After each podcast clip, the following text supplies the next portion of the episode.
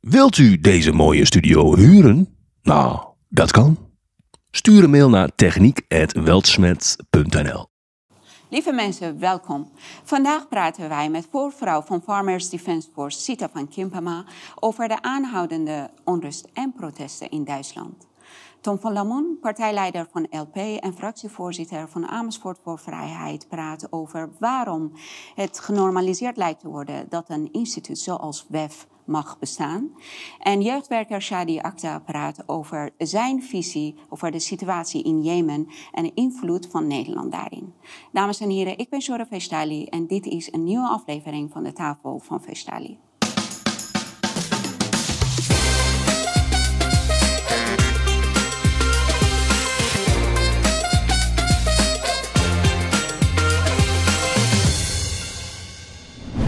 Allereerst een uh, warme welkom aan mijn gast aan tafel.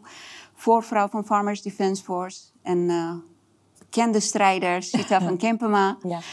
Uh, Tom van Lamon, fractievoorzitter Amersfoort voor Vrijheid. En partijleider van LP, jeugdwerker Shadi Akta.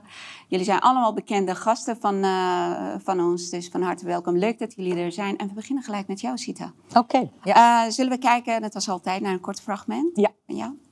You fucking cunts. They're the people that grow your food, goddammit. Wake up. Wake up to why anybody would do that. Who, what fucking government would fuck with the farmers? What government would make it harder on the farmers? You're telling me that that's your number one problem is the farmers? How much crime do you have? How many murders? How many thieves? How many rapists? How many child molesters? How, how many swindlers? How many people that are ripping people off? How many credit card fraudsters do you have out there? And you're going after farmers? There's no way that's positive. Nou, allereerst uh, mijn excuses. Ik heb je naam verkeerd ja. genoemd. Sita van Kempen, maar ik ja. ben heel slecht met namen. Ja. Nou. Dus uh, nogmaals, mijn excuses. Ik ga gewoon extra opletten. hey, um, ja. Wat is er aan de hand in Duitsland nu? Nou, wat de, de boeren, waar door de boeren in Duitsland dus de weg op gaan, dat is omdat ze nieuwe belastingen hebben opgelegd gekregen die erg ingrijpen in uh, hun verdienmodel. Dat is ten eerste dat ze op alle uh, voertuigen die ze hebben, daar moeten ze nu wegenbelasting over gaan betalen. Terwijl de meeste boeren amper op de weg komen met hun voertuig. En de korting die ze hadden op hun diesel, uh, die wordt hun stapsgewijs afgenomen. Um, en uh, ja, zij hebben dus dezelfde, wat dat betreft, voorrechten als ook andere sectoren hebben. Hè. De, de scheepvaart, de luchtvaart. Ja, de luchtvaart heeft een hele aparte uitzonderingspositie. Maar dat heeft ermee te maken dat het product wat je levert is heel erg goedkoop. Zodat mensen allemaal eten kunnen kopen. En daarom was er ook een korting op die diesel. Hè, want je gaat met je trekker geen extra kilometers rijden omdat je denkt van nou heb het goedkoop, dus ik ga de, weg maar uit. Dus dat is allemaal belachelijk. Um, de wegenbelasting, dat is eerst uh, wel door de acties al, uh, uh, zeg maar, nou, ergens apart gezet. Maar die verhoging van de diesel, die gaat nog wel door. En de boeren zijn het gewoon zat de laatste jaren, en dat is ook in Nederland zo, want wat hier wordt uitgerold is niks anders dan de Green Deal. Uh, dus 4% van het land bijvoorbeeld braak laten liggen, terwijl daar helemaal geen reden voor is. Uh, dat hebben we in Nederland ook, alleen hier heten het bufferzones. Maar ook daar is het 4% van je eigen land, is je zonder enige compensatie wordt je afgenomen. Daar kan je niks meer op verdienen, je moet het wel onderhouden, want dat zijn wel de regeltjes. Maar je kan ongeacht, dat... Ongeacht de grootte van je land? Ja, Zo 4 procent? Ja, dus 4 procent. Ja, ja, in, een klein stukje land. Ja, in bufferzones zijn langs uh, sloten en kanalen. Nou, de uh, Nederlandse bedrijven, boerenbedrijven, die hebben al geen mest wat in het water terechtkomt. Er zijn gewoon metingen van. maar nu moet je dat dus braak laten liggen. Dus je mag daar geen, niet meer op bemesten. Dus je hebt er ook geen opbrengst meer van. En dat gaat dan ook tot een maximum percentage. Omdat de boeren zijn die zoveel sloten in hun percelen hebben liggen. Dat dat ver boven die 4% kwam. En op die manier worden allemaal regeltjes vanuit de Green Deal worden geïmplementeerd op een andere manier, een licht andere manier, want verdeel is heers.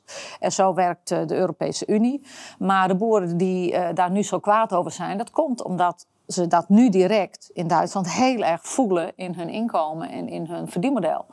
Uh, bij ons zijn het andere dingen, maar ze komen wel uit diezelfde agenda. Dus uiteindelijk voor hetzelfde resultaat. En dat is krimp van de landbouw. In Frankrijk zijn ze momenteel allemaal de weg op, maar ook in Hongarije. Gisteren zag ik dat ze in uh, Oostenrijk uh, beginnen. Dus langzaamaan werken wij naar de Europese verkiezingen toe. Want wij willen iedere burger bewust maken van wat er momenteel gebeurt. Dat is krimp van de Europese voedselproductie, waardoor we afhankelijk worden van de Oekraïne, die produceert op een wijze die hier al 10, 15 jaar is verboden. Of het nu gaat over hoe de dieren worden gehouden, waarin de dieren worden gehouden, gewasbeschermingsmiddelen die hier al lang verboden zijn omdat ze een schadelijke werking hebben, die worden daar gewoon op granen en groenten gebruikt.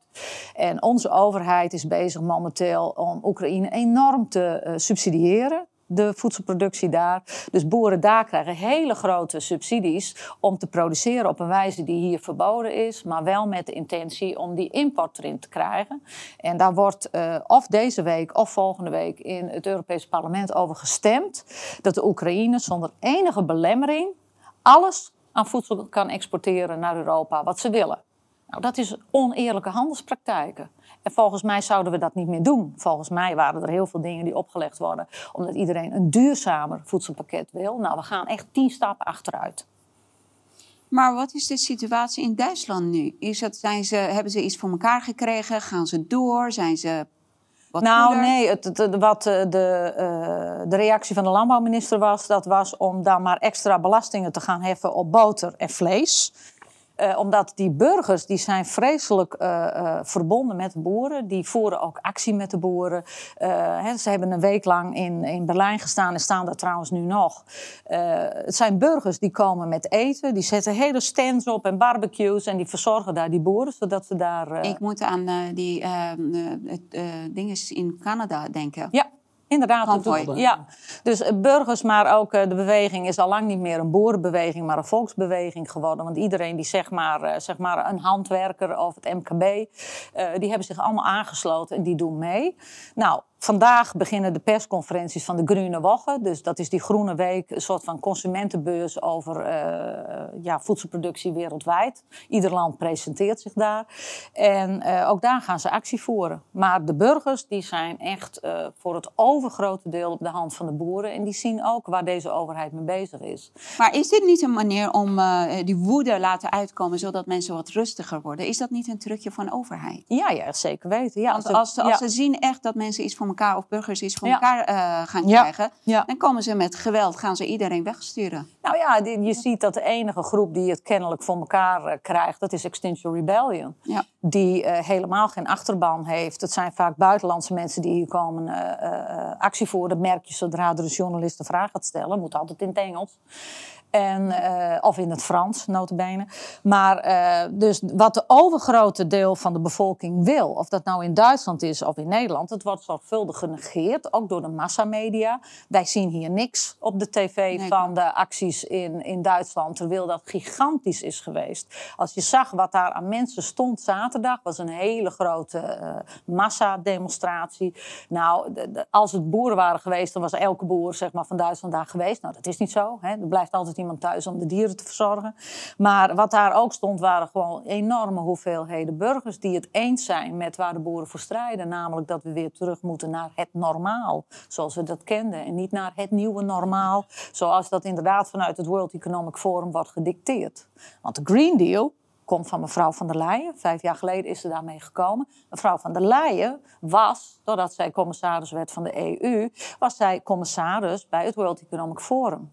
En daar is ze terechtgekomen omdat ze er een puinhoop van maakte als minister in Duitsland. Daar heeft ze zoveel fraudezaken uh, lopen, dat ze op een gegeven moment dachten van die vrouw moet maar even wat uh, uit het beeld. Wat beloond worden? Ja, inderdaad. Toen is ze in het uh, bestuur gekomen van het World Economic Forum. Maar die Green Deal, die komt daar rechtstreeks vandaan. En dat is dus inderdaad je moet plantaardig of insecten eten. We moeten van de vleesproductie af. En we moeten krimp van landbouw in Europa hebben. Terwijl dat funest is voor je voedselzekerheid. Maar ook voor prijzen, de betaalbaarheid en ook wat je wil eten. Straks mogen wij niet meer zelf beslissen wat wij eten. Maar waarom denk je dat het zoveel... Uh weerstand wordt getoond naar vlees eten. Wat, is er, wat, wat kan de reden zijn?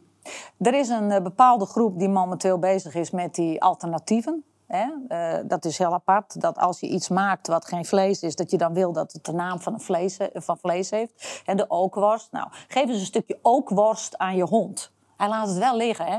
Ook je kat, die kijkt je aan zo van, wat doe jij nou? Oftewel, dat is geen eten. Dat is, uh, dat is chemisch. Dat is, uh, hè, de chemicaliën die erin zitten, die wil je ook niet weten eh, op je verpakking. Maar daar zit een hele industrie achter. En eh, de, hè, dat is follow the money. Kijk naar wie er verdient. Wie wordt hier beter van? En dat is een hele kleine groep mensen. En die is momenteel weer bezig met het lobbyen voor hun belangen, niet voor het belang van de bevolking, maar voor hun belangen eh, bij hun overheden. Maar Sita, die kleine groep Ja. die eh, alleen maar rijker wil worden. Ja. Het is dezelfde groep die geld kan printen. Mhm. Dus geld hebben is voor hun geen dilemma. Nee, maar macht wel. Maar wa- Ja. wa- waarom dan op zo'n manier? Ze kunnen hem gewoon makkelijk printen. Ja, ja daarom. Nou, dus er is elke, elke eh, tijdzone heeft, heeft mensen, heeft eh, bewegingen die alle macht in handen willen hebben. Als je kijkt in de geschiedenis, ik heb een tijdje geschiedenis eh, gestudeerd, toen heel lang geleden. En dan zie je dat elke tijd heeft zijn eigen mensen die denken dat ze de hele wereld moeten gaan besturen. En dat is denk ik, ja, dat zit tussen je oren. En dat deugt niet helemaal, want daarmee dus neem je andere mensen hun vrijheden af. En ik wil mij mijn vrijheden niet af laten nemen. En Sita, Ja, ehm, is er enige vorm van samenwerking of contact tussen de Nederlandse en Duitse Ja, boeren? Omdat absoluut. Ja. Wij worden zeg maar aangevallen op Europees niveau. Dus Ja. Nee, eh, Farmers Defence Force heeft eh, eh, directe contacten met de leiders die daar nu bezig zijn. Hè. We hebben ook een appgroep. Daar zitten we ook in met Poolse collega's.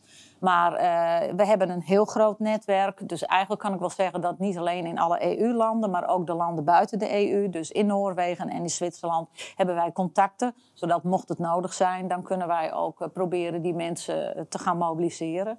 Ik weet dat de Ieren bijvoorbeeld ook hele grote problemen hebben met hun regering. Daar is momenteel de melkprijs zo dramatisch laag, terwijl er helemaal geen reden voor is dat heel veel boeren daar nu stoppen. Hè, er is ook nog nooit zo weinig melk geproduceerd. Eh, dat zijn allemaal dingen die eh, ook weer te maken hebben met hoe wordt de krimp ergens eh, bereikt. Het zijn al die overheden werken gewoon samen. En zit er ooit een, een collectieve actie in of iets dergelijks? Nou, wanneer wij inderdaad alle burgers bewust willen maken van hun stemrecht voor de Europese verkiezingen. Want als je dit wil veranderen, als je wil dat die Green Deal en dus het afnemen van je vrijheden, dat dat wordt gestopt, dan zal je inderdaad die Europese verkiezingen daarvoor wel moeten gebruiken. Want je kiest niet alleen voor het Europese parlement, maar ook voor de Europese Commissie. Ja, dat is net als als je hier voor de provincies eh, stemt, stem je ook voor de Eerste Kamer. Nou, dat is ongeveer hetzelfde voor de Europese verkiezingen. Die zijn van 6 tot 9 juni, want niet ieder eh, land eh, stemt op dezelfde dag. In Duitsland stemmen ze altijd op zondag. Als je dat hier eh, zegt, dan eh, zegt iedereen "Oh, op zondag wil ik niet stemmen. Dus wij hebben andere dagen. Maar eh, die, die collectieve actie die gaan we wel proberen te organiseren. Maar vooral ook om die burgers bewust te maken. Stem ze weg. We hebben het gedaan in maart. Nou, daar hebben we volgens mij een gigantisch goed succes mee geboekt. Stem ze weg posters. Nou, er heeft nog nooit zo hard een coalitie verloren als bij de provinciale verkiezingen in maart vorig jaar. In november eh, is dat weer gedaan. Heel veel mensen zich bewust van wat er momenteel gebeurt. En het wat lui achterover hangen van we hebben het toch goed. Nou, wacht maar even af. Eh, iedereen die echt nieuwsgierig is naar wat er op de agenda staat, moet even op de site van de Rijksoverheid kijken naar de keuzewijze klimaat en energie. 111 pagina's van hoe extra belastingen straks bij de burgers terechtkomen en hoe de boeren worden weggepest uit Nederland. Hoe kijk jij hiernaar? Ja, nou ja, het is, heel interessant. Hè? Kijk, alles wat jullie ook zeggen daar, daartussenin. Jullie hadden het net bijvoorbeeld over, over het geld en macht en geld printen. Het, dat, dat zij de macht van de geldprinter hebben, dat is alleen maar een macht. Als jij geld print, zit wel heel veel nadelen aan. Dat weten ze zelf ook. Het is alleen dat jij eigenlijk geld uit de toekomst aan het stelen bent. En je bent dingen alleen maar voor je uit aan het schuiven. En ze moeten ergens de nadelen van dat systeem wegmoffelen, zeg maar. Amerika die print het meeste geld bij, maar zij kunnen via de IMF doen zij het geld wegverdelen over de hele wereld. Eigenlijk kolonialisme is het, alleen dan financieel. En dat doen ze met de Europese Unie ook. Ja. En dat doen ze dus nu ook met, met de boeren. En wat, wat Siet ook zei, hè, in, in de media, in Nederlandse media noemen ze het ook al overal, als ze dan al de boerenprotesten überhaupt benoemen, zeggen ze dat het om over subsidies gaat. Ja, ze zijn eh, voor de subsidies aan het strijden. Dat is compleet krankjoren, want dat gaat dus over belastingen. Ja.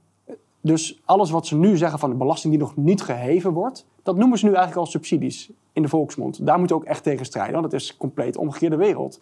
Dan kunnen ze dus zo meteen, net als Extinction Rebellion op de A12, zeggen ze ja, we zijn tegen de, de fossiele subsidies. Het gaat niet om fossiele subsidies. Het gaat om dat die, die bepaalde nodige industrieën kortingen krijgen op, op de belasting van de energie omdat anders onze prijzen in de supermarkt helemaal niet meer betaalbaar zijn. En dat is precies bij de boeren. dus nu zie je het andersom, wat, wat ze nu in Duitsland doen. Dat ze dan zeggen, oké, dan leggen we de belasting wel bij de burgers neer. Dan gaan we de belasting op die voeding uh, omhoog gooien. Dat werkt ook precies hetzelfde. Want daardoor zullen die burgers minder voedsel kopen. Minder eieren, melk, uh, vlees. Omdat de prijs gewoon omhoog gaat. Dat is één op één gewoon wiskunde. Dan gaat die prijs omhoog, gaan ze dat minder kopen. Hebben de boeren nog steeds hele grote problemen. Want die raken omzet kwijt.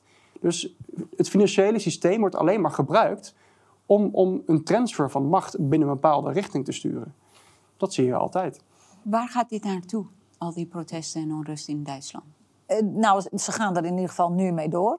En wat ze eisen inderdaad is dat die belastingverhogingen dat die allemaal worden teruggedraaid. Alleen je ziet nu dat er een, eh, een andere stroming is opgekomen die ook heel sterk is. En die zegt van uh, de ampel, zo noemen ze hun, uh, hun, regering, omdat het een stoplicht is. Rood, geel en groen. Want ik snap hem eerst niet. Maar bij ons is inderdaad geen geel, maar oranje. Ik zei, nou snap ik hem. Dus de rode partij, de groene partijen en de gele bij hun. En die moeten weg.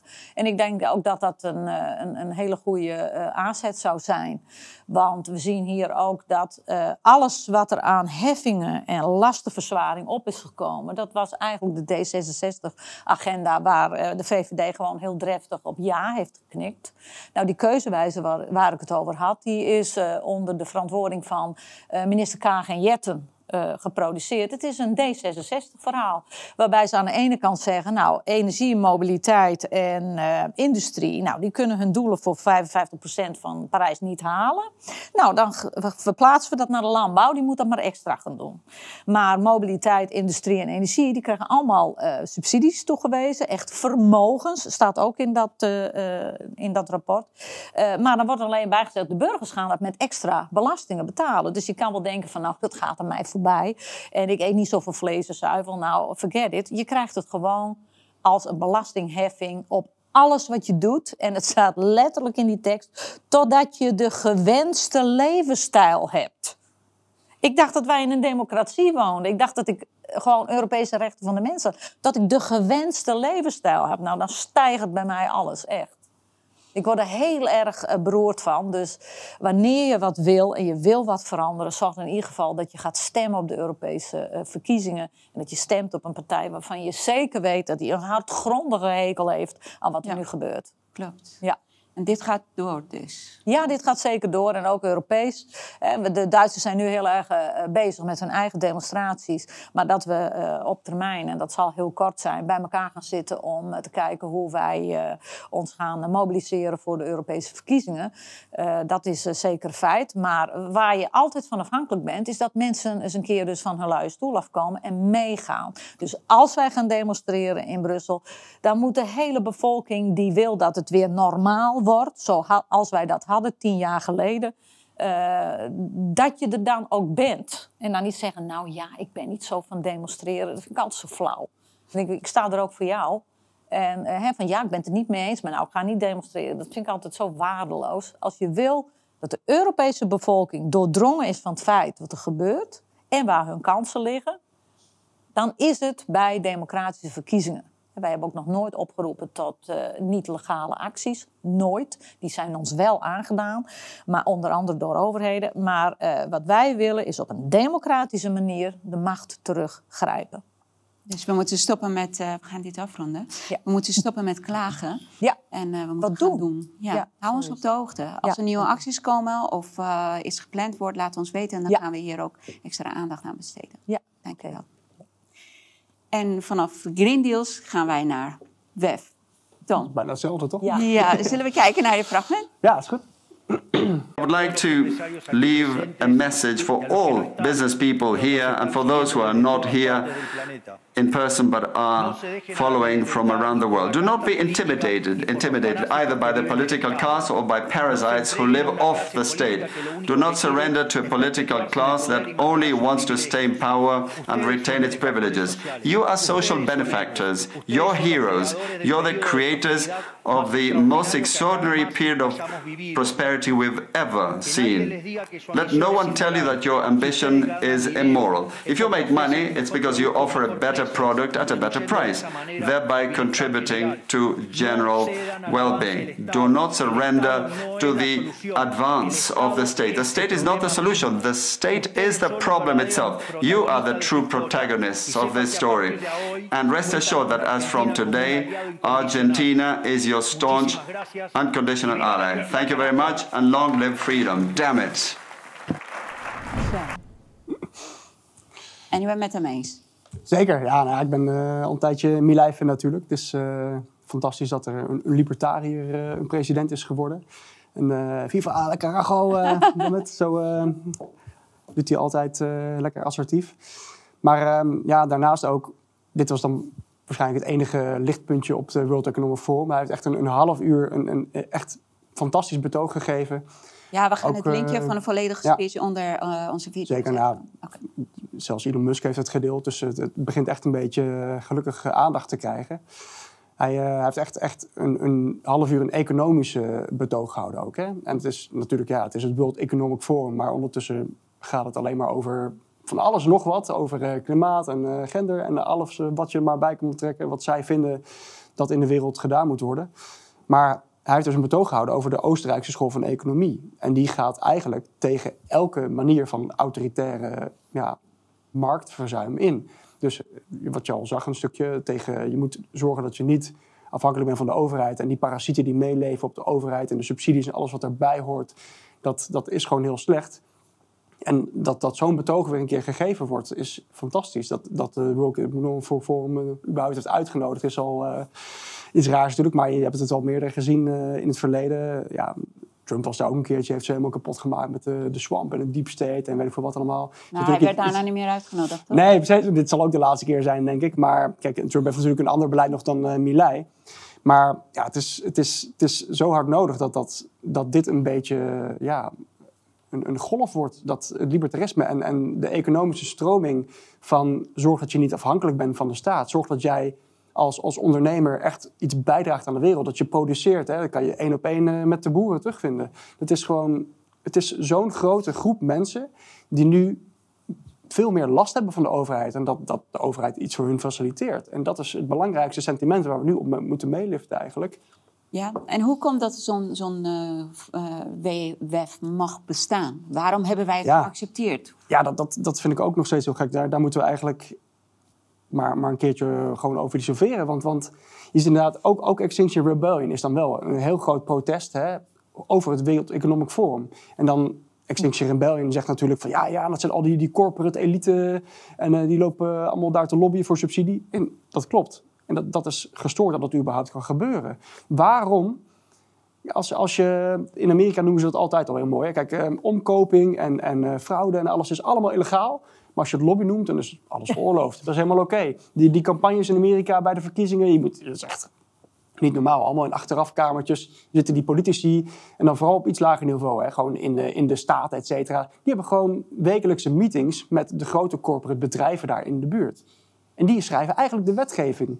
En, en, nu hebben wij daarvoor een World Economic Forum. Nou, worden alleen maar de meest invloedrijke politici, de meest invloedrijke bedrijven, corporate over de hele wereld, die dus eigenlijk van elkaar leven, echt, echt parasiteren op de politiek, oneindige subsidies krijgen, oneindige macht krijgen en, en die hele markt kunnen beïnvloeden met, met patenten en alles wat er maar bij komt kijken om de concurrentie en de kleine MKB'ers en, en de boeren en alles wat erbij hoort, maar uit de markt te kunnen weren, zodat die grote bedrijven steeds groter marktaandeel krijgen. Want dat is hun belang. Dit jaar uh, leggen ze heel erg de nadruk op misinformatie. Denk je dat dat heeft te maken met de aankomende verkiezingen in Amerika? Tuurlijk, ja, dat hebben ze ook uh, zelfs, zelfs uh, von der Leyen zelf. Uh, nee, Christine Lagarde was het volgens mij. Die heeft het zelf een heel lang betoog over gehouden. Hè, van ja, dit jaar wordt het belangrijkste, want um, de verkiezingen komen eraan. Amerikaanse verkiezingen en de Europese verkiezingen. Dit wordt weer een jaar waarin heel veel omslag kan gebeuren. Dus we moeten heel erg oppassen dat het populisme niet verder gaat groeien, et cetera. Zo noemen ze het dan. Ja, je, je ziet aan de andere kant dat die mensen daar bij de World Economic Forum zijn ook echt vanuit angst aan het spreken op een bepaalde manier. Ze, ze, krijgen ook door dat de beweging op lokaler niveau een hele andere kant op gaat dan, dan zij willen. Er waren daar verschillende panelgesprekken. Er was een heel panelgesprek over X hè, van Elon Musk. En allemaal zaten daar dames. Ja, ja, hoe- en misinformatie. En het is een hele toxic place geworden. En we moeten daar geen aandacht meer aan besteden. En, eh, en die, eh, die vrijheid van informatie daar vaatsplint. Oeh, dat is allemaal maar eng natuurlijk. Dus je ziet... Ja, dat is waarom ik positief ben. Natuurlijk ook door HVM Milei. Die daar gewoon zo'n sterk betoog heeft mogen houden... over een keerzijde van het verhaal. Wat gelukkig wel gewoon dus uitgezonden wordt. En, en overal gedeeld wordt door, door eh, goede mensen. En aan de andere kant dat je ziet dat, dat die mensen echt, echt vanuit angst aan het spreken zijn. Denk je niet dat ze een scenario eh, gaan oproepen dit jaar? Want als het eh, te nauw wordt, doen ze gewoon het meest nare. Ja, nou ja, kijk, dat, dat is wat je altijd gezien hebt eigenlijk. En, Ja. en naar mijn idee zitten we al, al heel lang in de reservetijd van de huidige economische situatie.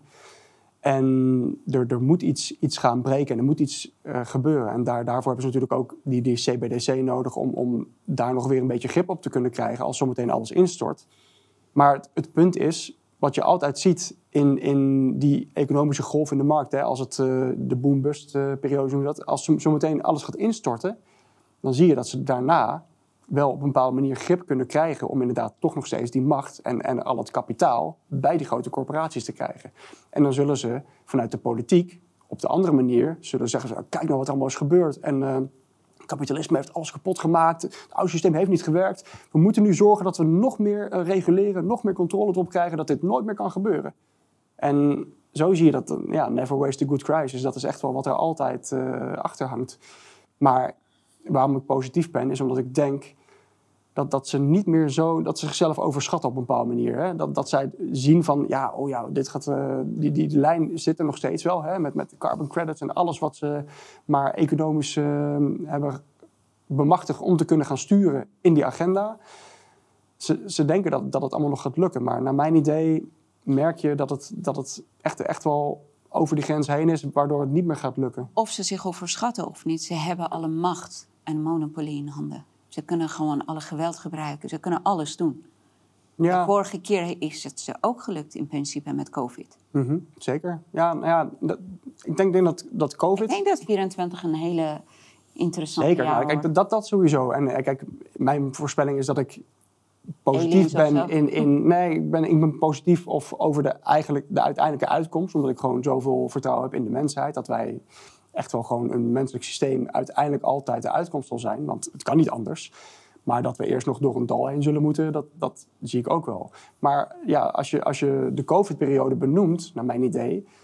Dat, dat is echt iets waar zij zichzelf hebben overschat, denk ik. Want is, is het helemaal gelukt wat ze allemaal wilden met COVID? Leven nu in, in een controlestraat? Dat denk ik nog niet. Ik denk dat ze wel weer terug Aanleg moeten is komen. gelegd. De aanleg is gelegd. En ze hebben natuurlijk nu allemaal ja, achter de schermen... wat ze nu openbaar hebben gezegd van... Ah, dit is QR-code voor eh, dit en dit en dit. Achter de schermen was het digital ID. Voor hele andere redenen is nu allemaal de grondslagen gelegd. Dat sowieso. En die CBDC, alles ligt al klaar. Maar het heeft aan de andere kant ook... nog nooit zo'n grote golf aan bewustzijn onder de inwoners veroorzaakt. En daarom denk ik dat nu, juist ook wat je nu ziet met, met X, eh, Twitter en, en al die alternatieve media, nou dit kanaal, bij alle andere alternatieve media, het is sinds de coronaperiode nog nooit zo groot gegroeid. En de tegenhangerinformatie, die heel belangrijk is, heeft meer aandacht dan ooit. Dus daarom ben ik zo positief van, ja, uiteindelijk denk ik dat het ze niet gaat lukken. Omdat als er nog een keertje, ja, nu disease X komt langs, hè, de volgende corona. Ja. Denk dat iedereen op zijn hoede is van, oh ja, wacht even, er komt weer zoiets aan. En het maakt Of niet uit misschien is dat een afleiding. Misschien zijn ze met iets anders be- bezig en ze noemen zo'n disease als X en zo Tuurlijk. Mhm. om mensen af te leiden van wat, eh, wat ze Ja. van plan zijn. Eh, ik waardeer sowieso je, je positiviteit, of bewonder misschien, maar hoe kan het dan, als je, hoeft maar een halve minuut naar die Yuval Noah Harari te luisteren om, om, om eh, echt te beseffen dat dat eh, sadistisch is bijna als, als je hem hoort praten over eh, technologie om mensen hun gedachten te kunnen lezen en of dat wel positief of negatief is eh, als het over de overheid gaat. Hoe kan het dat er nog geen ja, bijna revolutie is gestart door de mensen eh, eh, als je zulke dingen hoort? Ja, omdat, omdat bijna niemand lu- luistert naar die, die mensen. Bijna niemand luistert naar die, die betogen op de World Economic Forum al. Hè. Kijk, ik vind het supermooi dat zo'n zo'n half uur eh, betoog van Milei... dat dat overal gedeeld wordt van kijk eens wat er nou een keer gebeurt. Omdat iedereen weet van ja, de- al die gasten daar die zitten maar lekker te ouwe hoeren. En nu weer. Nu waren er weer mensen als Yuval Harari of Klaus Schwab. Allemaal echt de meest dystopische dingen die ze zeggen. En zo, waarschijnlijk weten ze zelf niet eens meer wat ze aan het doen zijn. Van, oh ja, dit, dit, dit klinkt nog een beetje goed. Hè? Van, eh, oh, we moeten oppassen voor de beweging die ervoor zorgt dat wij ehm, onze uh, macht kwijtraken. Inderdaad. Dat is letterlijk gewoon de dingen die zij zeggen. En, en uh, ook Christine Lagarde, ja, de, de 2024 is dan het jaar dat ervoor zal zorgen dat, dat um, onze nieuwe orde wel gaat lukken of niet. Of zo. Gewoon dat soort teksten zeggen zij. Ze zijn zo zelf ingenomen dat zij zelf ook niet meer in de realiteit staan. Ze gaan alles proberen om dit te doen, van bovenaf. Maar naar mijn idee is er van onderop een beweging die ten eerste niet eens luistert daarnaar. Maar wel in, in actie gaat komen als zij op lokaal niveau zien wat het beleid voor hen betekent. In Amersfoort gebeurt dat ook met het parkeerbeleid, naar de boeren. En overal zie je dat het mensen in actie komen als het hunzelf raakt. Maar dat politieke gedrocht wat, wat ergens in de lucht hangt, daar, daar hebben ze gewoon heel weinig eh, mee. Maar is dit niet dan misschien het moment om, om met, met onszelf na te gaan denken of democratie nog wel het juiste systeem is? Want uh, als er blijkbaar geen onderzoeksrechter is die, die dit wilt onderzoeken en, en ja, ja, zulke uitspraken wilt veroordelen, wat is dan nog het nut van de democratie als het ons als volk niet beschermt tegen zulke destructieve mensen? Ja, dat, dat is een hele goede discussie. Kijk, um, als, als libertariër, Frank Karsten die heeft er een heel mooi boek over geschreven, De Democratie voorbij. Je moet, we moeten het is, het sowieso, democratie is een woord dat heel veel mensen op verschillende manieren interpreteren. Zoals we nu de democratie hebben met vertegenwoordigers, waar wij op een vertegenwoordiger stemmen één keer in de vier jaar.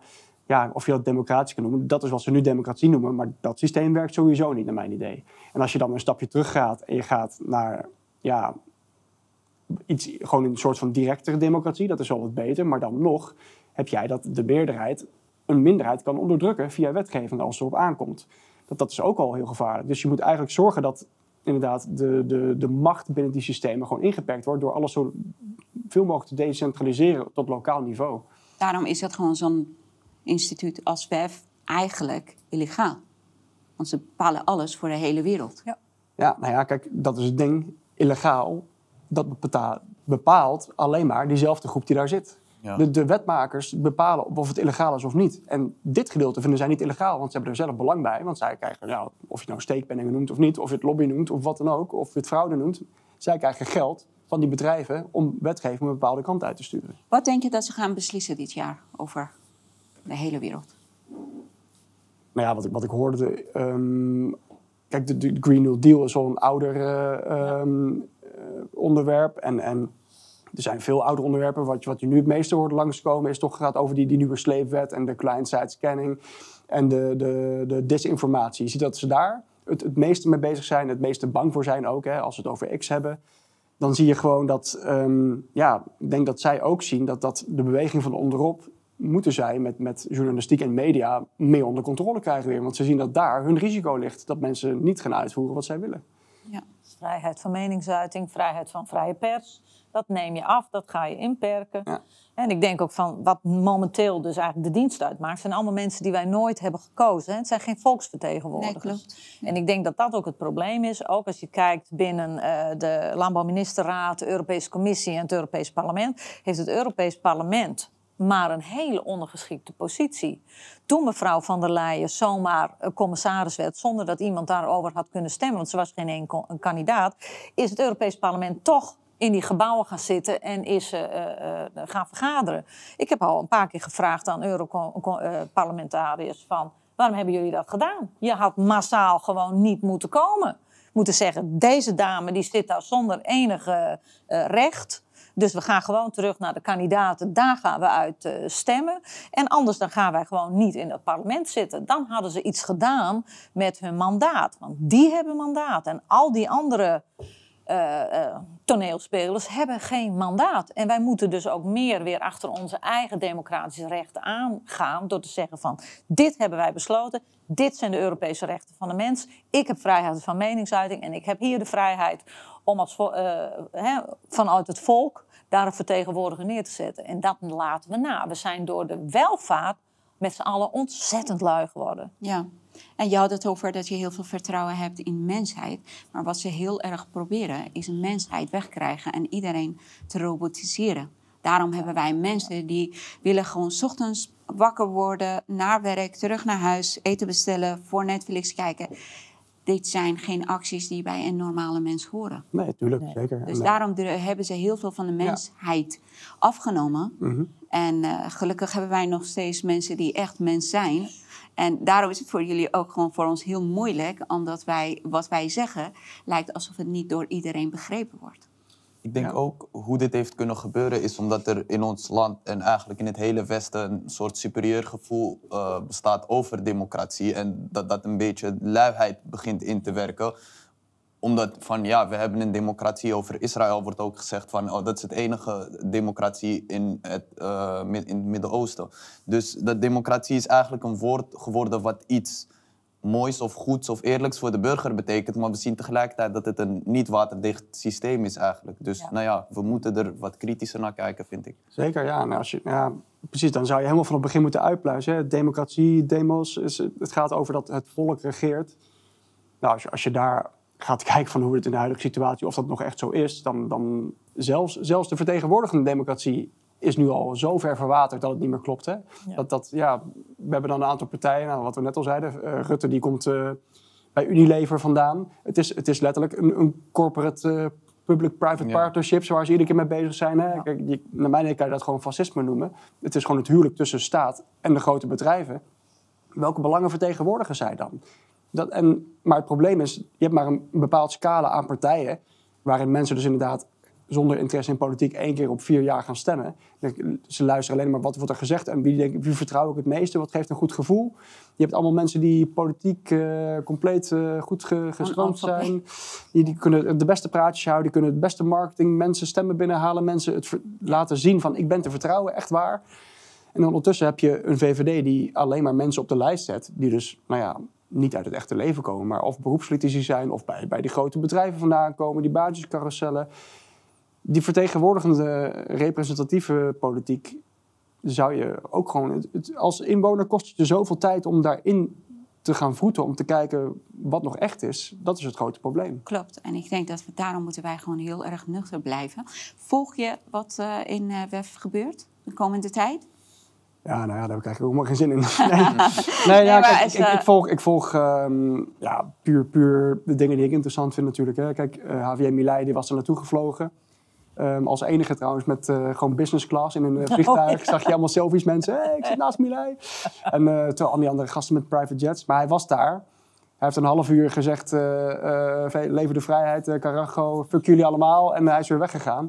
Dus dat is nou ja, de manier waarop je het zou moeten doen, naar mijn idee. Want verder, ja, je moet ook niet te veel aandacht aan besteden. Je moet, je moet kijken, een soort van, wat de vijand zegt van wat hun plannen zijn. En hoe, hoe dystopisch zij daar bezig zijn. En daar kan je dan op reageren en bewustzijn eh, vergroten. Maar je moet, ja, ik ga eigenlijk niet al die eh, lezingen zelf kijken. Nee, nou, dat weten wij dan. Nou, dankjewel voor je inbreng. En eh, we gaan het gewoon goed in de gaten houden. We moeten ze uitlachen. Je hebt het heel mooi gezegd. We moeten ze niet serieus nemen. En we moeten ook niet heel veel aandacht aan besteden. Gewoon negeren. En dat is, denk ik, op dit moment het meest verstandige houding die wij kunnen nemen. Ja. Dankjewel, Tom. En we komen nu naar jou, Shadi. Zullen we kijken naar jouw filmpje? Let's go. They target ships from around the world. We continue to work towards a sustainable ceasefire in Gaza and to get more aid to civilians. We also continue to support a negotiated settlement in Yemen's civil war. But I want to be very clear that this action is completely unrelated to those issues. It is a direct response to the Houthis' attacks on international shipping. And we should also recognize the risks of inaction. It would weaken international security and the rule of law, further damage freedom of navigation in the global economy, and send a dangerous message that British vessels and British interests are fair game. Klinkt logisch wat hij zegt, toch? Ja, ja. In mijn ogen, ehm, wat, wat dit voor mij duidt eigenlijk, is, is de hele dunne lijn tussen eh, wanneer je een eh, terrorist bent, een rebel, of wanneer je een held bent eh, eh, eigenlijk. Omdat we hebben bij de Oekraïne-oorlog gezien dat mensen eigenlijk op het nieuws gevierd werden als ze die kant op gingen om te helpen.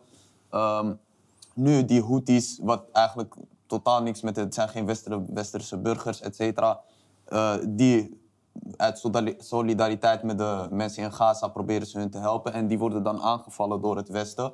ehm, die wel passief reageerde bij eh, eh, het probleem in Gaza zelf en eh, niks hebben gedaan om dat te stoppen. Dus ja, ik, ik ben geen expert over de Houthis, maar ik vind het wel interessant om te kijken waarom wij het West, in het Westen bepaalde mensen als negatief beschouwen en bepaalde als positief. Als je op X gaat kijken, zie je bijna dat het clubjes of teams zijn waar je bij hoort met accountnamen, met vlaggetjes er, eh, erachter. En eh, het is in mijn ogen allemaal eh, om mensen te verdelen eigenlijk. Ja. Maar wat hij zegt, dat ze gewoon ook wereldhandel vertragen of tegenhouden. Dan moeten gewoon landen, Europese landen, moeten voor hun eigen belang opkomen, toch? En dat, eh, Ja, maar dat, dat kan bijna niet anders. En sterker nog, dat is in mijn ogen de wortel van het hele probleem. Die regio is gewoon heel belangrijk. En het, het gaat helemaal niet over Joden of moslims. Want dat is wat, wat eh, eh, de media eigenlijk wil dat je gelooft. In mijn ogen is dat helemaal niet zo. Kijk, Nederland is heel sympathiek tegenover de Joden ehm, in relatie met wat er in de Tweede Wereldoorlog is gebeurd. En begrijpelijk. Alleen in mijn hoofd is het niet per se een logische stap dan om meteen Israël te gaan eh, verdedigen. Israël is een land wat Joden heeft vermoord vanaf het, voordat ze zijn begonnen eigenlijk met de Haganah. Eh ben Tzvi heeft een nota bene een Nederlandse Jood vermoord in Israël, Jacob eh, Israël de Haan. Omdat hij was voor een staat, voor e- een veilige staat voor en Joden en Arabieren. En die is toen de tijd vermoord. Israël is daarna, daarmee verder gegaan in 50, 51, eh, Irak gebombardeerd omdat die Joden niet naar Israël toe wouden verhuizen. Dus Israël is eigenlijk niet per se het, het meest veilige land voor Joden. En eh, nou ja, wereldhandel is waar het wel om gaat. Eh, die straat van, eh, ik ben even... Hormuz, toch? Nee, die eh, eh, De waterpassage. Rode Zee. eh. Oh, nee, Ik ben even vergeten hoe die, die passage heet van, eh, tussen Egypte en Israël. Ja, Dat is waar het over gaat in mijn ogen. Dus Ja. die Houthis hebben meteen de vinger op de zere plek gelegd. En eh, nou ja, voor mij geen eh, verrassing dat het Westen zo heeft gereageerd. Je had ook twee plaatjes meegenomen, hè? Wilde je... Ja, nou ja, ik vind het gewoon verrassend dat, dat als er groepen ontstaan in hun eigen land, die worden dan terroristen en rebellen genoemd. En het Westen is in alle soorten en maten aanwezig in, in die regio. En die zijn dan democratie aan het brengen en aan het helpen. Dus ik, ik vind dat gewoon heel hypocriet hoe wij daar, of onze media eigenlijk daar eh, eh, naar kijkt. Omdat wij hebben daar niet zo heel veel te zoeken in principe. Maar ja, de handel en, en, en geld en belangen brengt ons wel daar. En ons dan eigenlijk Amerika en, en de NATO, die, Europa, die daar een beetje achteraan, achteraan wandelt. En de volgende plaatje? Eh, nee, die hebben we uiteindelijk niet. eh, Oh, dus eh, het, het, blijft gewoon hierbij. Oké, Ja. oké. Sita, hoe Ja. kijk jij naar de situatie in Jemen en de houding van Nederland daarin? Ik denk dat eh, wat mij het meest opvalt aan alle oorlogen die er momenteel zijn, is dat er vreselijk weinig eh, energie wordt ingestoken op, eh, op vredesonderhandelingen. En volgens mij hadden we Ja. daar destijds de Verenigde Naties voor opgericht. Eh, en of het nu in de Oekraïne is of eh, in, in andere delen van de wereld, ik denk dat het daarover moet gaan. Je moet zien dat je zo snel mogelijk de bevolking, de burgers, weer eh, vrede biedt. En eh, dat is in eerdere fases, in andere oorlogen, ook een oplossing geweest. Wat we nu doen is, eh, bij de een financieren we de oorlog. En bij de ander eh, zorgen we ze ervoor dat ze binnen de EU komen. En dat is, dat is raar. Ik vind dat een rare opstelling. Zo ben ik destijds niet bekend geworden met de Verenigde Naties en het nut van een vredesleger. Maar is het niet een beetje hypocriet om te denken dat wat in Europa werkt, werkt ook in Azië of werkt ook in het Midden-Oosten? Nee, dat, dat ja, inderdaad. dat is het ook. Alles is anders. Ja. Mentaliteit is anders, manier van aanpak is anders, communicatie is anders. Dus waarom moeten wij gewoon één regel of één aanpak willen voor de hele wereld? Dat moeten we niet willen. En ik vind ook dat er een beetje met een eh, natte vinger wordt gekeken wat moreel eh, verantwoord is en, en, en wat niet. Omdat, eh, ja, eh, NATO die kwam heel dicht bij Rusland en eh, Rusland valt Oekraïne binnen. Nou ja, dan moeten we Oekraïne helpen. En eh, aan de andere kant staan we aan Israël hun kant. In Congo doen we ook helemaal niks. Dus Ja. het, het, het, er wordt altijd gezegd dat, er, dat, dat het gaat om mensenlevens en, en menselijkheid en mensenrechten. Maar het gaat eigenlijk gewoon om belangen. En ik vind het wel jammer dat, dat niet alleen Nederland, maar de wereld daar wel gewoon een beetje voor valt. Hoe kijk jij als een libertariër naar de hele... Ja, nou, precies hetzelfde. Er, zit, er zitten altijd financiële belangen, hè, of, of voor grondstoffen, of voor olie, of voor gas, of wat dan ook. En die, nou, die, die, die handelsroute langs eh, de Gazastrook is echt ja, is een van de meest belangrijke van de wereld. Want daar komt alle, alle productie die in China wordt gebracht, komt allemaal daar doorheen. Ja. Nu moeten de schepen moeten helemaal om Afrika heen. Hè. Zag je, zag je zo'n mooie stroom? Ja, we moeten er nu helemaal omheen. Duurt eh, drie weken langer.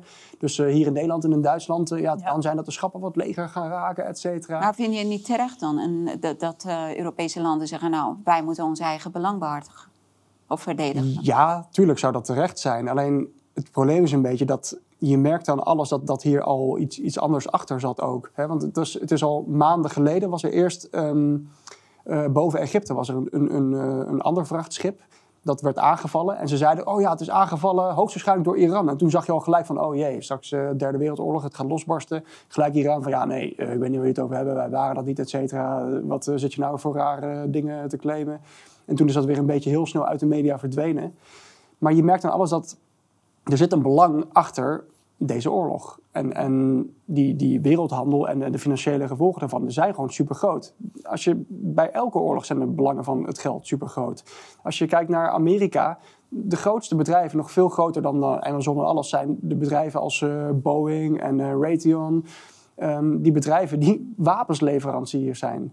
Die, die over de hele wereld, ook aan de Houthis, ook aan eh, Rusland, ook aan eh, Oekraïne, alles doen ze gewoon eh, faciliteren. En die winnen altijd natuurlijk dan. Maar het, het punt is ook, als je dus inderdaad naar de belangen gaat kijken, gaat het uiteindelijk om controle. En het geldsysteem is daar een heel groot gedeelte van, maar dus ook die grondstoffen en ook gezamenlijk. Wat je ziet in die landen in het Midden-Oosten vooral, als je weer kijkt naar bijvoorbeeld de IMF, die, eh, nou, nog, nog een mooi voorbeeld, als we het toch over de World Economic Forum hadden. Eh, Zelensky, die is daar nu met eh, BlackRock en ehm, Vanguard aan het praten. Op World Economic Forum. Omdat die al plannen aan het maken zijn voor de heropbouw. BlackRock mag daar zo meteen de hele agrarische sector opkopen. En de graanleverancier worden voor heel Europa bijna. Want het is, Oekraïne is de graansector van heel Europa. De graanschuur van heel Europa noemen ze het. Hè? Je ziet gewoon dat Amerika is geld aan het brengen naar Oekraïne. En Oekraïne is zometeen helemaal economisch kapot. En dan mag BlackRock, de grootste aandeelhouder van de wereld, mag heel goedkoop daar al het land gaan opkopen en herontwikkelen. Wie, wie winnen er altijd? Het zijn altijd dezelfde aandeelhouders van de hele wereld die daarin winnen. En dat zie je dat elke oorlog. Ja, het is, het is heel onethisch om zo over oorlog te praten. Hè? Van kijk, kijk naar de follow the money. Maar het is gewoon wel zo. Er zijn altijd een paar partijen die altijd winnen van die oorlog. Ja. En saillant detail, eh, Larry Fink die is eh, getrouwd met een vrouw die in de VN-veiligheidsraad zit. Dus in principe het hele instituut wat na de Tweede Wereldoorlog is opgericht om dat nooit meer te laten gebeuren, Ja. is nu eigenlijk ook met corporate aan het samenwerken. En nou ja, heel nauw. Ik vraag me dan af, BlackRock, een bedrijf dat super erg in wapenhandel eh, eh, zit, en een vrouw die in de VN-veiligheidsraad zit, is dat niet super erg belangenverstrengeling? Maar ja, niemand kijkt daarnaar in principe. Nee, ja, maar dat is wat ik zeg. Dat is het gekke. Belangenverstrengeling bestaat niet als je het maar lobby noemt. Ja, voetballers die worden verboden om, om eh, op hun eigen wedstrijden te wedden, maar onze politici die hoeven zich in principe niet aan zulke regels te houden. Mhm. Ja. Ja, nou ja, dat, dat is wel toevallig ook in Amerika heb je ja. nu daar eh, wetgeving over dat ook de politici niet meer zelf mogen investeren. Want die hebben natuurlijk oneindige interne eigen informatie. Ja. Het, het leukste vind ik nog, eh, op internet heb je een, een, een aandeelhoudersfund eigenlijk. Dat heet het Pelosi Fund. Die volgt letterlijk wat Nancy Pelosi doet. Want ja, die, die wint altijd. Want die heeft, die heeft toevallig... eh, en die percentage zit op 70% winst of zo. Ja, Echt, nog beter dan Warren Buffett. ja, Dus echt, echt gigantisch. En dan denk je van, ja, nou ja, we hoeven alleen maar Nancy Pelosi te volgen. Maar ja, die zal wel goede dingen doen. Die weet alles wat er Oorlog is onzin en we moeten gewoon stoppen. Om te denken dat wij alles weten over de situatie van Iran, vind ik het ook altijd heel. En iedereen heeft het nu over ja, en Iran dit en Iran dat. Ze vergeten burgers van Iran. Burgers zeggen al langer dan 40 jaar: wij erkennen dit overheid niet, dat willen wij niet, dat is niet onze overheid. En nu heeft iedereen over ja, maar waarom wordt overheid. Of, ze noemen Iran, maar ze hebben het alleen over de overheid van Iran. En ze willen gewoon, nou nee, maar ze worden gewoon beschuldigd voor. De overheid van Iran die, die financiert alle terroristische organisaties in de hele wereld. En die vermoordt de eigen bevolking. En de hele westerse wereld heeft het over Iran, Iran, Iran. Terwijl dat ze alleen maar een klein club van mensen die aan de macht zitten beschermen. En meer dan 80 miljoen mensen die in een land aan het lijden zijn en aan het bloeden zijn, vergeten. Dus uh, ik vind het heel erg hypocriet van Westen, van de hele wereld, dat ze denken dat ze overal in de wereld uh, kunnen ze zich met alles bemoeien en alles beoordelen en alles ja. bepalen. Het moet zo omdat wij het zo normaal vinden. Dankjewel voor je bij opbrengst. Ik echt uh, jammer. Wereldpolitiek is heel erg vies. We gaan nu naar kijkersvragen. Ik heb uh, voor iedereen één vraag gekregen. Vraag van Eduard aan Sita. Die zegt: Ik ben het zat. Wat heeft het nog voorzien om te demonstreren? We bereiken toch niks. Uh, de, het demonstreren is al vanuit de middeleeuwen onze bakermat van de democratie. Toen gingen ze al, de, het volk ging naar het kasteel toe om de kasteelheer duidelijk te maken van en dit pikken we niet. En als je als volk niet meer bereid bent om voor je rechten op te komen, dan betekent dat voor jouw kinderen dat ze slaven zullen zijn van de overheid.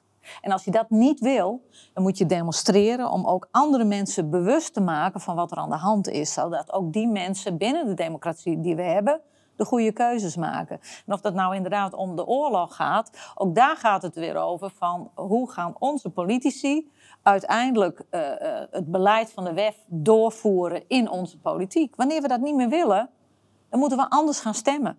En dan moeten we andere partijen de kans uh, geven om de democratie die we hadden te herstellen voor onze kinderen. De vrijheid die ik altijd heb gehad. Ik merk nu heel erg dat die vrijheid gewoon weg wordt genomen. Ik zie het in de rapporten die onze overheid, die onze ambtenaren opstellen. Dat zijn de ambtenaren die de greep naar de macht doen. En de Tweede Kamer, ja, sorry hoor, er zitten ook heel veel mensen die weten van toeten nog blazen. Dat meen ik niet, niet uh, hè, zonder respect. Daar gaat het niet om. Maar ik hoor dan mensen dingen zeggen waarvan ik denk... ja, maar dat klopt helemaal niet wat jij zegt. Dus die Tweede Kamer moet ook serieuzer omgaan met hun taak als volksvertegenwoordiger. Weet waar je over praat. Heb er intern naar gekeken. En laat die ambtenaren, die topambtenaren niet bepalen welke route wij kiezen. Die mensen zijn niet gekozen. Dus die moeten kort gehouden worden door die Tweede Kamer. Die moet gewoon zijn taak gaan doen.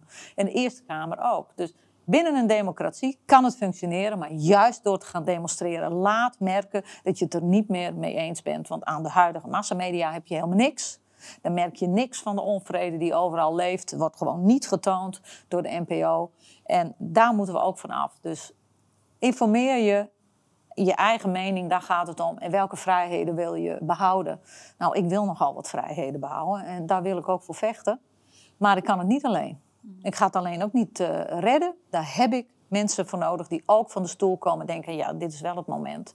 En ik denk dat in juni is het moment, dus we moeten voor juni iedereen bewust maken dat ze het recht hebben om te kiezen voor hun toekomst. Dus stemmen heeft wel zin. Absoluut. Anders heb je geen democratie meer en dan kan je direct wel in China gaan wonen. Hm. Vraag van uh, Ali en Tom. WEF bestaat nu eenmaal. Wat moeten we doen om hen die enorme macht die uh, ze onterecht hebben toegeëigend af te nemen? Ja, nou ja, wat ik zeg, kijk, als, als we moeten zorgen dat ze die aandacht niet meer krijgen eigenlijk. En dat is natuurlijk heel lastig te zeggen, want ze hebben wel die aandacht. En ze hebben de aandacht inderdaad bij de topambtenaren. Bij alle de, middelen ook. Alle, alle non-government organisaties. Die, de mensen die op dit moment nog het meest bepalen, daar hebben ze heel veel invloed op. Dus ja, ik denk dat we gewoon, gewoon op eenzelfde manier zelf meer in actie moeten komen. Maar echt op lokaal niveau, kleine stapjes. Hè? Zorg dat jij niet meer uh, in een supermarkt je producten gaat halen die eigenlijk bij Nestlé en Unilever vandaan komen. Gaat bij de boer halen. Ga gewoon alles wat jij binnen jouw macht kan doen. Al die kleine stapjes, die helpen enorm veel. En het, het grootste probleem is inderdaad ja, dat, dat we steeds in meer financieel moeilijke tijden komen. Daardoor denken we van ja, ik, ik kies toch voor mijn gezin. Ik ga maar goedkopere voedsel halen, et cetera. We moeten heel erg bewust worden van onszelf, wat dat met ons doet en waar wij toe geleid worden. En dan moet je proberen andere keuzes erin te maken, om, om toch ook, ook echt een vorm van actie uh, te ondernemen. En te zeggen van ja, ik, ik, ik wil niet dat ik zelf gestuurd word binnen mijn leven. En ik, ik wil gewoon uh, wel dat de toekomst van mijn kinderen belangrijker is. En dus dat ik niet afhankelijk ben van die, die food hubs die ze willen gaan maken. Hè, van de, de producten die, die mij worden toegeschoven. Ik, ik wil gewoon uh, wel die vrijheid behouden. Dankjewel. Vraag van Senna aan Shadi. Wat vind je van de, Kor- eh, van de Koranverbranding die vorige week plaatsvond en door de politie werd gefaciliteerd? Ja, weet je, het mag blijkbaar in Nederland. Ik weet niet eh, wat de juiste parameters daarvoor zijn, of dat wel of niet mag. Ik zelf als moslim vind het totaal niet leuk. Maar nou ja, ik ga er niet per se mee eentje voor of het wel mag of niet mag. Alleen ja, die Pegida meneer. Kijk, je kan op een idealistische manier denken, maar er gaat altijd wel een gek zijn die je gaat aanvallen. Eh, en niet alleen met dit onderwerp, maar met elk onderwerp waar, waar mensen, wat mensen heel erg aan het hart gaat. En als hij die, die, dat risico graag wil blijven nemen, nou ja, dan eh, moet hij dat vooral doen. Maar je kan ook een keer de verkeerde tegenkomen. Keur ik dat goed? Nee. Maar ik denk niet dat het ooit anders gaat zijn.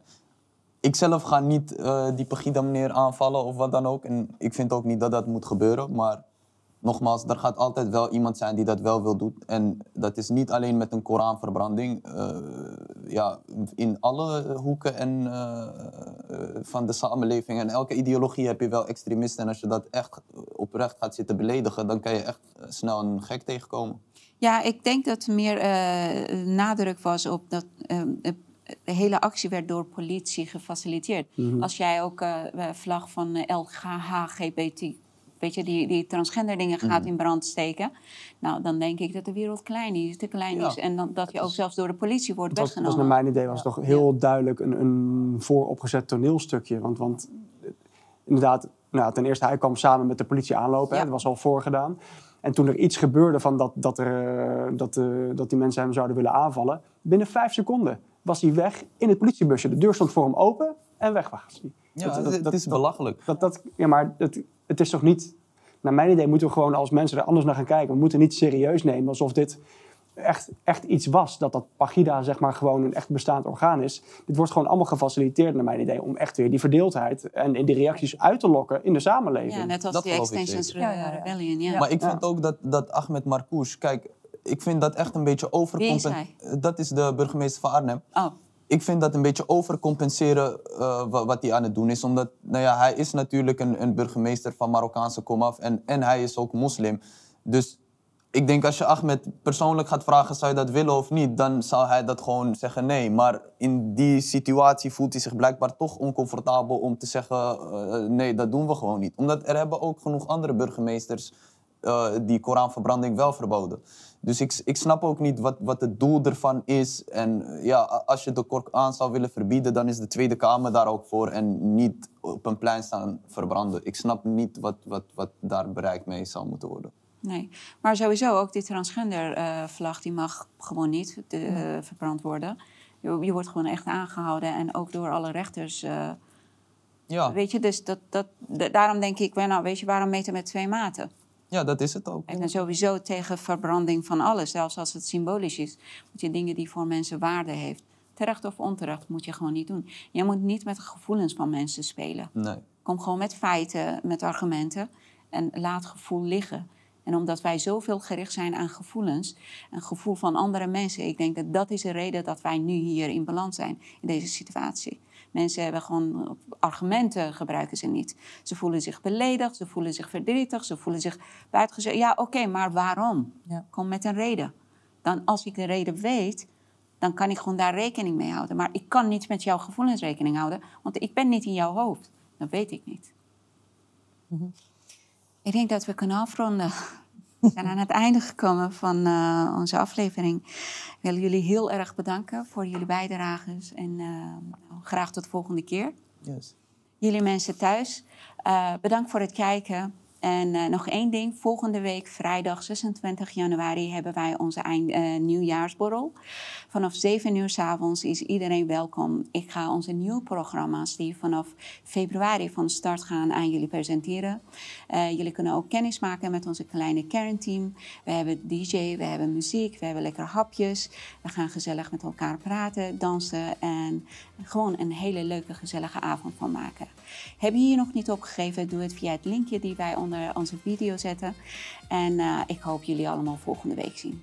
Bedankt voor het kijken, bedankt voor jullie betrokkenheid en donaties. Hebben jullie suggesties, feedbacks of vragen, mail mij via feestali.belsmers.nl en ik zie jullie allemaal graag volgende week.